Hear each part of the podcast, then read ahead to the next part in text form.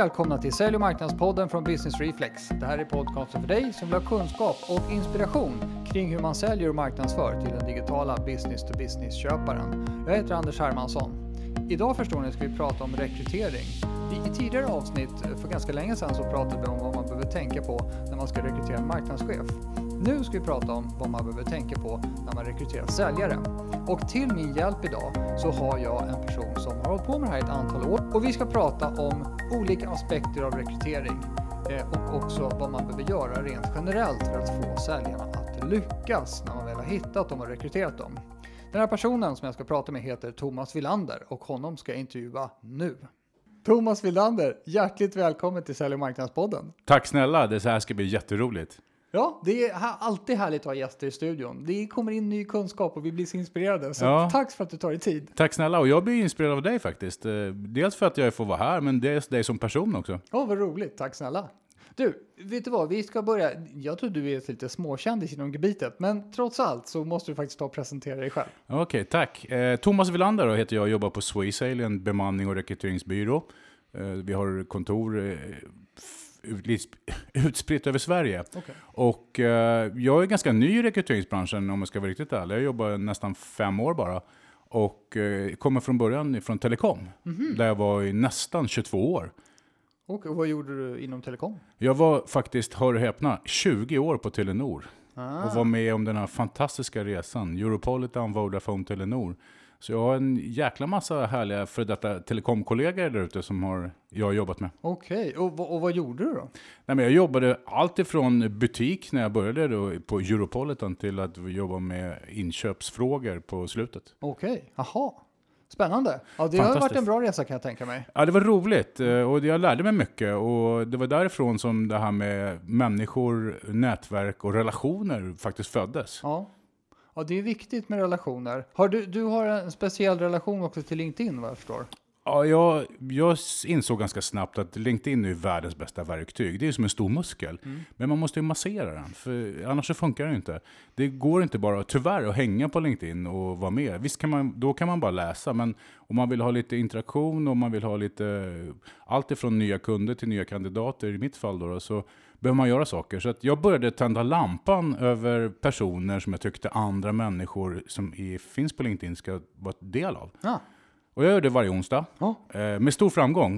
Eh, det är till och med så att folk har hört av sig och frågat när de, lampan ska tändas över dem. och det kommer nog aldrig ske, för det där ska komma lite eh, oför, eller oförberett rättare sagt. Eh, för någonstans handlar det om att eh, det är mitt sätt att ge tillbaka lite grann från den, den resan jag har gjort och de härliga människor som jag har träffat.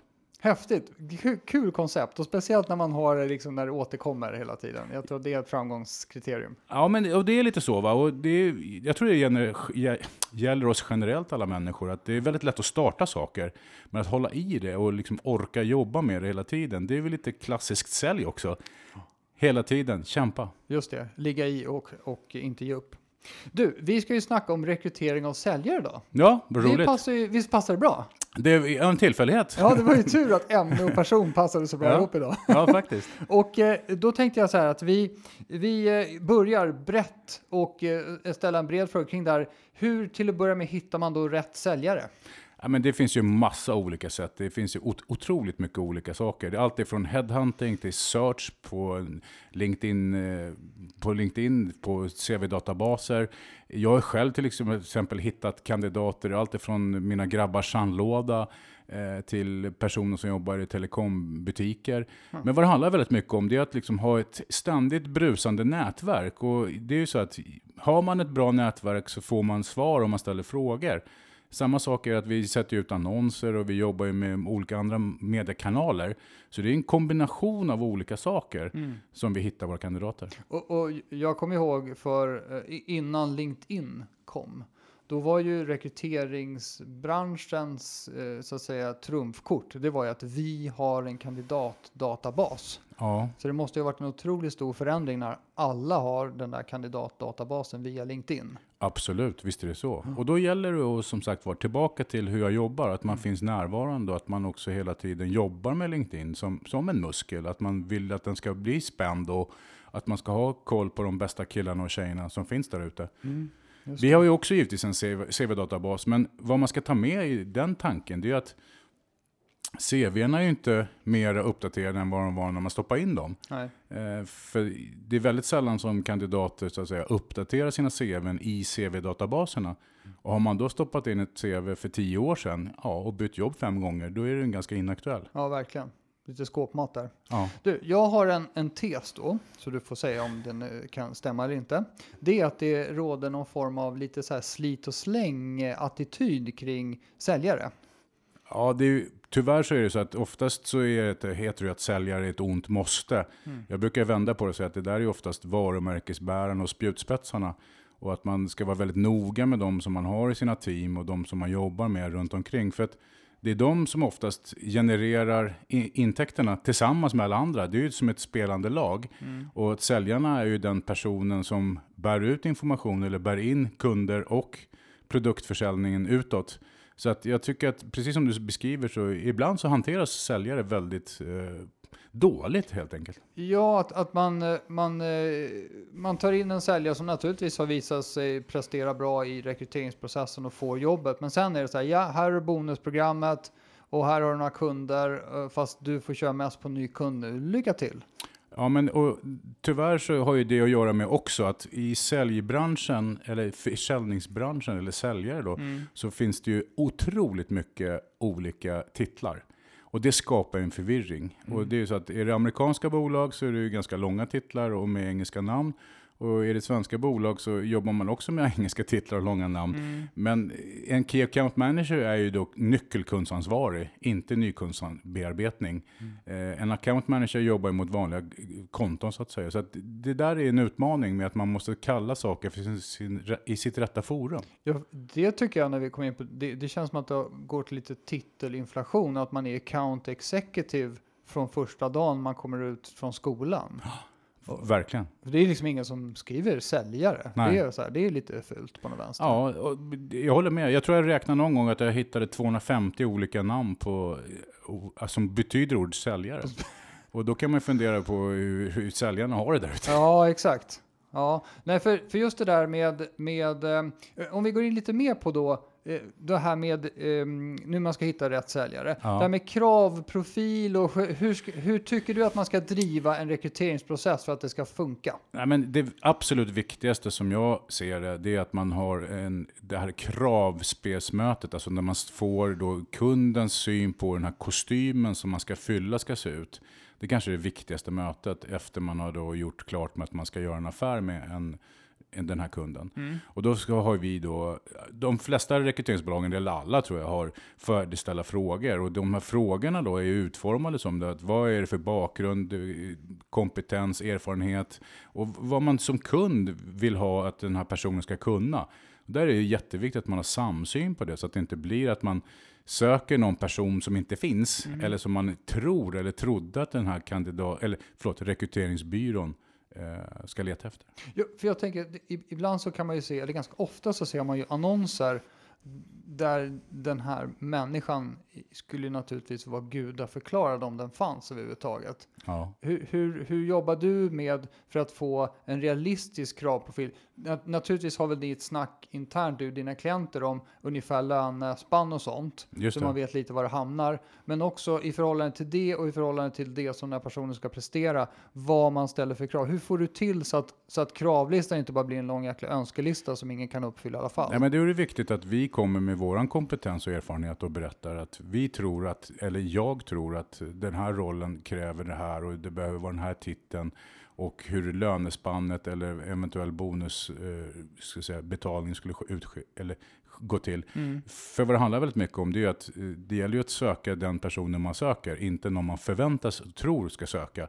Utan att man tror också att den här rollen kan täcka. Sen är det jätteviktigt också, hur ser teamet ut som man ska jobba i? Och vad är man på väg någonstans som företag? Mm. Eh, Det går ju inte, för att använda en fotbollstermer då, det är ju ingen idé att stoppa in Zlatan i ett korplag. eh, Om man har en säljkår som inte är alls i närheten av det. Utan det är, då gäller det att hitta någon annan person.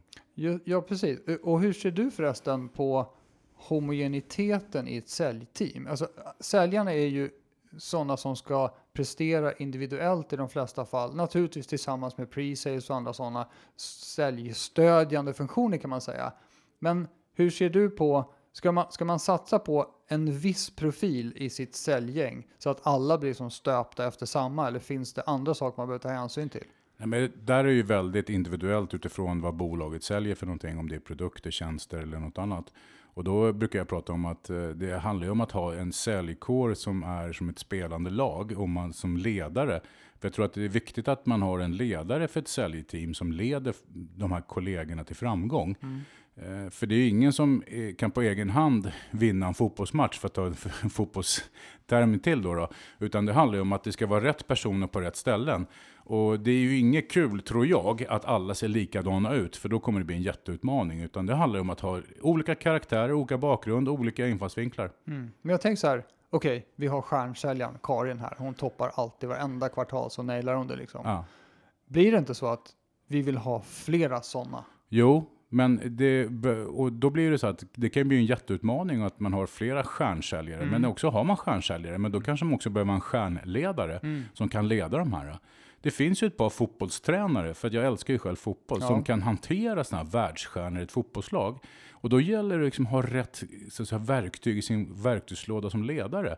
Att man på så sätt också kan underhålla de här killarna och tjejerna så att de levererar på högsta nivå hela tiden. Hur många ska man intervjua? Hur, hur stor pipe ska man jobba upp innan man nöjer sig? Och, och vad, vad, skulle du säga där för att få det hela effektivt? Nej, men det handlar ju om att försöka då förstå kravprofilen, vad mm. kunden mm. söker. Och sen givetvis då eh, utifrån det göra ett searcharbete och, och, träffa då x antal kandidater. Det finns ju inget rätt eller fel. Helst skulle vi bara vilja träffa en kandidat och leverera en kandidat. Ja, det verkar men, bra. Ja, nej men eller hur. Mm. Men eh, det är ju så att ibland så handlar det om att kunden också vill ju då ha lite så att säga, spelutrymme och kunna välja mellan olika personer och karaktärer. Mm. Men sen också handlar det om att uh, försöka då också förstå utifrån vad är det som finns idag, vad, man, vad är man på väg? Och då på så sätt också hitta, och då kanske tror jag ett rätt antal som vi brukar prata om, att man mellan två till fyra kandidater. Mm. Tar man dem så långt så att man Förhandlar man med dem? Nej. Nej, utan då gör ju vi då eh, en telefonintervju, vi gör en, en, fysisk intervju, sen gör vi då en presentation av kandidaten och till kunden. Mm. Sen tar ju kundens arbete vid där man då går vidare med sina egna processer, rutiner man har satt upp. Mm. Eh, efter det, när man då kokat ner där och fått fram en som man då är anställningsbar, då först gör man då referenstagning och test, eventuella tester och sådana saker. Just. Eh, för att om man inte, eller om man gör referenser och testtagningar innan man har till exempel tre, fyra kandidater, då kan man också göra kandidaten en otjänst genom att hålla på och ringa på massa referenser och inte blir någonting. Just det. Utan det gäller liksom också att försöka se ur kandidatperspektivet också, att det är viktigt att de också inte får massa brus omkring sig. Just det, då ska vara på allvar. Mm. Ja, för det kan ju vara så att kandidaterna sitter ju på arbeten idag och börjar man brusa för mycket så kan ju det också läcka fram om man inte har så att säga hållit det under radarn. Just det. Jag, har väl hört om någon, något case där där det var tydligt att personen i fråga började uppdatera sin LinkedIn-profil. Jo, men det, och det är ju så här lite... Då börjar man undra, ja, Nej, men, bra och det är lite så här LinkedIn-snack sådär oftast, när folk börjar byta kort, byta eh, titlar på Just, LinkedIn ja. och allt sånt där. Att det är en signal på att man kanske vill byta jobb. Just det. Ja, det är bra att hålla koll på sånt där ur ditt perspektiv. Ja, exakt. Ja, örat mot rälsen. Du, om vi nu säger att vi har hittat den här personen då och anställt nu Handshake, nu kör vi. Vad, vad är det man behöver tänka på i nästa steg som arbetsgivare? Ja, men det absolut viktigaste efter kravprofilen då, som sätter kostymer för den vi sökte. Och nu har vi hittat då rätt person för kostymen. Mm. Då är ju nästa stora viktiga sak det är onboardingprocessen. Ja. Eh, det är alldeles för många företag som hanterar det lite styvmoderligt, skulle man kunna lugnt uttrycka sig. Och det har att göra med att man måste känna sig välkommen. Det är ungefär som att man bjuder in till fest. Det går inte att börja duka när det ringer på dörren. Då känner man sig inte så himla välkommen som festdeltagare. Nej. Eh, utan det be behöver vara, som jag brukar säga, ja, men lite en blomma på skrivbordet, datorn, telefonen fungerar, det finns en mailadress. Det kanske är upplagt i CRM-systemet, vad man heter och allt sånt där. Så att man också förstår att det här är viktigt, för du har kommit hit för att du ska göra ett jobb. Mm. Eh, jag har hört skräckexempel där folk har fått sitta i receptioner och vänta på att de inte ens kommer in på företaget. Eller man får telefon och dator två veckor senare och sådana saker. Och då, då tycker inte jag att det blir någon bra upplevelse. För det är ju också en, någon form av införsäljning. Just det. Ja, det, det, där första intrycket av, av att vara anställd, det är klart det är viktigt då. Exakt. Va, va, om, om man tänker, jag har faktiskt egen erfarenhet av, av jäkligt dålig onboarding som säljare. Just där, där man kanske kommer in på ett företag och så är det då, ska man då vara någon sorts nysatsning. Mm. I mitt fall så var det ett bolag som sålde till stora konton. Och så skulle de göra en satsning och börja sälja mot mindre kunder. Och satsningen visade sig, det var att anställa mig. Ja. Eh, Så det var, då var det i princip, och det här var ganska länge sedan, för att jag fick ju i princip gula sidorna och lycka till. Sådär Ja. då. Men jag, det var inte det, var inte det bästa. Eh, men sen så ehm, eh, tänker jag på så här, vad, vad är det för någonting som du har sett utbildningsmässigt? För man, man skickar iväg folk på bootcamps och sådana här saker. Är det någonting som du tycker vi bör påminna folk om som är extra viktigt i onboardingen? Nej, men det är, jag tror att det, ja, absolut är det att skicka iväg på folk på utbildningen, men jag tror att det viktigaste är att få ihop teamet där man ska vara, att man känner sig välkomnad i teamet och att ens ledare eh, för teamet eh, plockar upp en och, och tar med en på den här resan. Eh, Alla bolag har ju sina egna processer, rutiner och måndagsmöten och fredagsmöten eller vad sjutton det är. Men att man känner sig välkomnad där och att man plockas upp där. Eh, Sen så är ju nästa steg, det är ju att den här personen har blivit anställd av en anledning. Och det är att man eh, då antingen tillför energi eller som du då skulle läsa gula sidorna och, och ringa kunder. Men då måste man också vara tydlig med det, vad Ja. det innebär. Och det där bör man ha berättat innan man blir anställd. För att jag tror inte att du hade tagit det här jobbet om du hade fått reda på det innan. Nej, det, nej, det hade jag inte. Det var en, en eh, ovälkommen överraskning kan jag säga. Och, och tyvärr händer ju det lite för ofta att man då söker en kam men man hittar en am och sen vart det något helt annorlunda. Och då, oftast så går man ju skilda vägar ganska snabbt därifrån att man blir anställd. Just det. Vet du vad, jag hoppar lite grann för jag kom på frågor under tiden. Ja. Det här med kravprofilen. Ja. Om du, om du skulle eh, eh, tänka på hur det ser ut nu jämfört med hur det har varit. Ser du att, att kravställningarna på säljaren på något sätt har förändrats de senaste åren? Jo, men det ser jag. Det är ju väldigt många som söker väldigt mer ska vi säga, avancerade eller mer utbildade personer. Eh, och kanske också hit, skapar en profil som kanske inte ens finns där ute någonstans. Eh, då gäller det för oss som jobbar med det här att vi tillsammans med kunden eh, hittar en rimlig nivå utifrån det man ska söka. Eh, för det går, kommer gå mycket enklare då. Men finns, finns det några kompetensområden? Så här, tek, kräver man idag att, att folk ska vara skillade rent tekniskt och kunna hålla på med massa säljverktyg? Och, eller, eller helt enkelt ha plus 3000 följare på LinkedIn, annars så blir det inget? Eller? Nej, men det, det beror ju alldeles på vad man ska jobba med för försäljning. Alltså om man ska jobba mot LinkedIn så är det bra att ha många LinkedIn-följare Mm. givetvis. Då. Men eh, jag tror att det kanske viktigaste det är att det är många som pratar om buzzword hela tiden. Att man ska kunna vissa saker och det är vissa ord som modord som dyker upp. Och de där personerna finns oftast inte generellt som har allt det och sen ska man gärna vara runt 30 år och Ja, jobbat i 20 år. Ja, Eh, Så att det handlar ju lite grann om så här, vad är det man egentligen söker, vad är man på väg och vad är bolaget på väg? Eh, Jag brukar säga att produkter och priser och kunder ändrar ju alltid ansikte över tid. Men ledarskap och liksom varumärket och allt det där, det kommer fortfarande finnas kvar och det är nog det man ska ta med sig. Mm. Mm. Jag funderar på sådana här termer som social selling till exempel. Är det någonting som dyker upp i annonser att man efterfrågar att folk ska hålla på med det? Eller är det Ja, en dagslända som är för? Nej, men det, det uppkommer ju, men det är ju som ett CRM-system egentligen bara Mm. med social selling. Sen så är det ju en fördel om man tycker om sociala medier givetvis Mm. och kan hantera det. Och det är ju inte bara LinkedIn utan det är ju Facebook och Instagram och you name it. Det finns ju massa olika Ja, det. kanaler. Så att, visst förekommer det, men det är inte sådana specifika krav. Nej. Nej, nej. Vi har pratat mycket här i podden om att det här med att, att man måste integrera sälj och marknad och så. Har du märkt någonting av de tendenserna när man ska rekrytera säljare? Att man vill gärna att de ska ha förståelse för digital marknadsprocesser och sånt där? Ja, det, absolut. Eh, Jag, jag tror att sälj och marknad har vi nästan gift ihop sig lite Mm. grann utifrån att man som säljare ska ha lite marknadskunskap eller att som ma- marknadsförare har lite säljkunskap. Men det gäller också att veta vad man ska jobba med. Antingen så jobbar man som säljare eller också jobbar man på marknadsavdelningen. Men det är nog bra, och tror jag, om man har liksom en, en, en, någon form av eh, ska säga, kompetens som överskrider de här två områdena. Så man kan snacka med varandra? Exakt, Mm. för jag tror också att eh, Idag tror jag inte heller handlar om att sälja produkter eller saker, utan det handlar om någon form av storytelling. Liksom så här, hej kära kund, det här kan vi över tid hjälpa dig med. För det är ju så att det är ju inga TM-säljare som säljer på telefon som ska få ett avslut här och nu, utan det kan ju vara allt från långa säljcykler till ändå, lång, ändå längre mm, säljcykler. Mm, ja. Så då gäller det liksom att ha någon form av resa. Mm, just det man ska klara av hela den där. Ja. Jag hade någon, eh, någon tes kring eh, att vi skulle, man, eftersom jag tycker själv att eh, min erfarenhet är att det är svårt att hitta säljare som klarar av hela jobbet som man önskar att de gör. Och, och den tänkte jag, det tänkte jag så här själv att det beror ju på att man trycker in så otroligt mycket i en säljroll. Man ska vara ute och prospektera och ligga och köra på LinkedIn och ringa kallsamtal. Man ska hantera sin pipeline och driva affärer parallellt många affärer parallellt och, och sen ska man dessutom förhandla och kanske till och med ha lite juridiska kunskaper och jobba mot inköpsavdelningar och sånt där och stänga affärer. Det låter som ett rätt stort jobb. Liksom.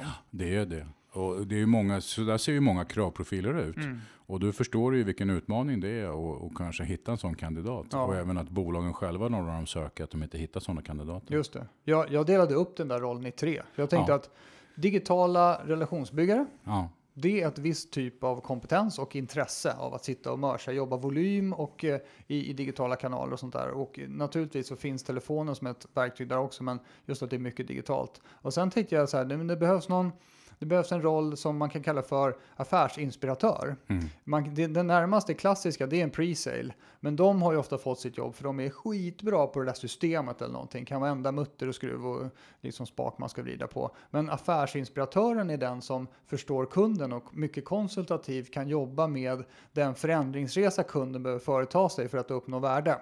Och sen kom den sista som jag kallar för affärsstöd.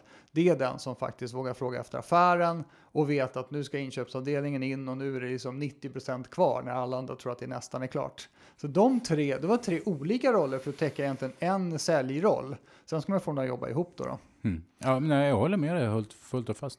Mm. Ja, så det var, det var ett, i alla fall ett tips eh, om hur man kan tänka så att man inte för, behöver leta efter den där eh, människan som inte finns.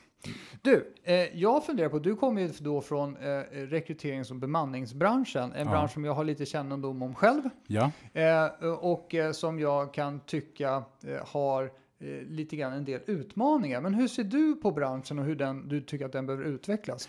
Nej, men, jag måste faktiskt säga någonting som kanske hela eh, Telekom-Sverige tänkte jag säga, det menar jag inte, men rekryterings-Sverige kommer vara emot mig. Det är att jag tycker att vår bransch är ganska mossig generellt och det gör att vi har ju ofta suttit väldigt reaktivt och väntat på affärer eller väntat att en kund har hört av sig eller att vi hör av oss till kunden och frågar om vi kan hjälpa dem med någonting.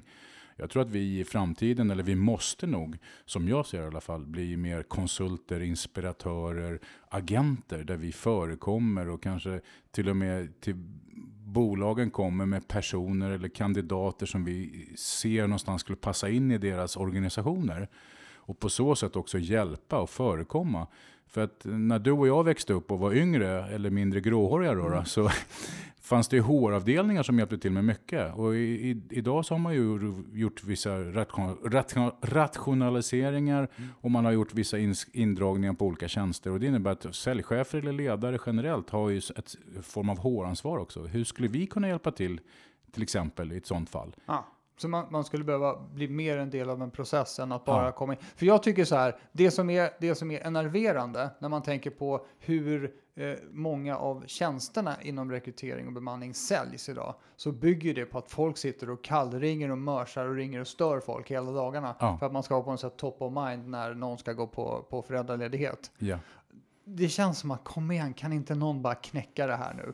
För att liksom försöka våga låta bli med det och istället vända kanske på logiken som du säger, att man försöker ja, vara del av en process istället. Ja, men jag tror att det är jätteviktigt och, är precis som du säger, för att, för att inte störa givetvis då. Men mm. sen handlar det mycket om också att, men det gäller ju att vara top of mind, men det kan man vara på massa andra olika sätt, mm. tror jag. Mm. Och ett sätt är ju kanske då att göra andra saker på LinkedIn, som jag till exempel, mm. tänder lampan. Mm. Eh, eller skapa ett nätverk, eller jobba med helheten, eller se till att man hela tiden har någonting som kunderna eller branschen eller hela världen efterfrågar. Ja, just det. Och det är de bästa kandidaterna. Ja, för jag, jag tänker, jag har jobbat då med, med digital marknadsföring lite grann inom den här svängen så att säga. Det är nästan omöjligt för att hela branschen är händelsestyrd. Mm. Det är bara, man är bara, man ser till att man är eh, kan skapa värde när Mm. någon har ett akut behov av att Just det. fylla en stol. Mm. Det är då man liksom hoppar till. Men i övrigt så, så, är, det, så är man liksom bara en, någon som stör folk på jobbet egentligen. För åka ut och fikar och ringer och håller på. Ja, jo. Eh, tack för att jag, att jag åker och stör alla då. Nej, men jag tror också att det kanske absolut viktigaste är att kunder är superviktiga för oss i rekryteringsbranschen, men kandidater är minst lika viktiga. Och jag brukar jämföra både kunder, eller likställa både kunder och kandidater som blommor. De, man måste plocka dem direkt, annars vissnar de. Mm. För det handlar ju mycket om också, det är här och nu hela tiden. Och därför är det så viktigt liksom, att jobba med liksom, helheten. Och det blir lite grann som en mäklarfunktion där, där man Ja, har två parter. Absolut, det är, ju, det är en ganska bra liknelse faktiskt. Mm. Du, eh, jag har tänkt så här, nu har ju du hållit på med massa rekryteringsuppdrag. Ja. Och eh, enligt din erfarenhet, vad skulle du säga, Eh, kan man eh, på något sätt säga, eh, karaktäriserar populära arbetsgivare? Så att vad, vad ska man tänka på? För jag menar, det är ju så här, mm, War of the Talents eller vad det nu heter för någonting som, som McKinsey har sagt pågår. Att vi, vi ska attrahera den bästa talangen till vårt företag. Ja, men då får du ju steppa upp och se till att du är en bra arbetsgivare. Vad, har du märkt någonting som gör att kandidaterna känner sig eh, manade att söka jobb? Det finns massa olika svar på den här frågan. Den är ju mång, dju, väldigt djup och väldigt mångbottnad. Typiskt. ja, precis. Nej, men ja, absolut, starka varumärken Mm. lockar alltid alla kandidater som vill jobba med starka varumärken. Men sen vet jag också att starka ledare, alltså försäljteam i mindre bolag och även större bolag, de lockar också till sig personer. Så vad det är viktigast för oss som jobbar med det här, det är att vi också blir så att säga, bolaget vi jobbar med, deras budbärare och berättar så här, du kommer träffa världens bästa ledare eller den här personen har de här egenskaperna och kan lyfta dig vidare. Eller också att man jobbar i en bransch, alltså som man ska få jobb hos då, som är lite upcoming sådär, att man känner shit, är den här, det är en ny resa eller ett nytt vitt blad man får vara med och bygga. Så det handlar lite grann också om hur, hur vi säljer in det här och hur arbetsgivarna, vad de signalerar också.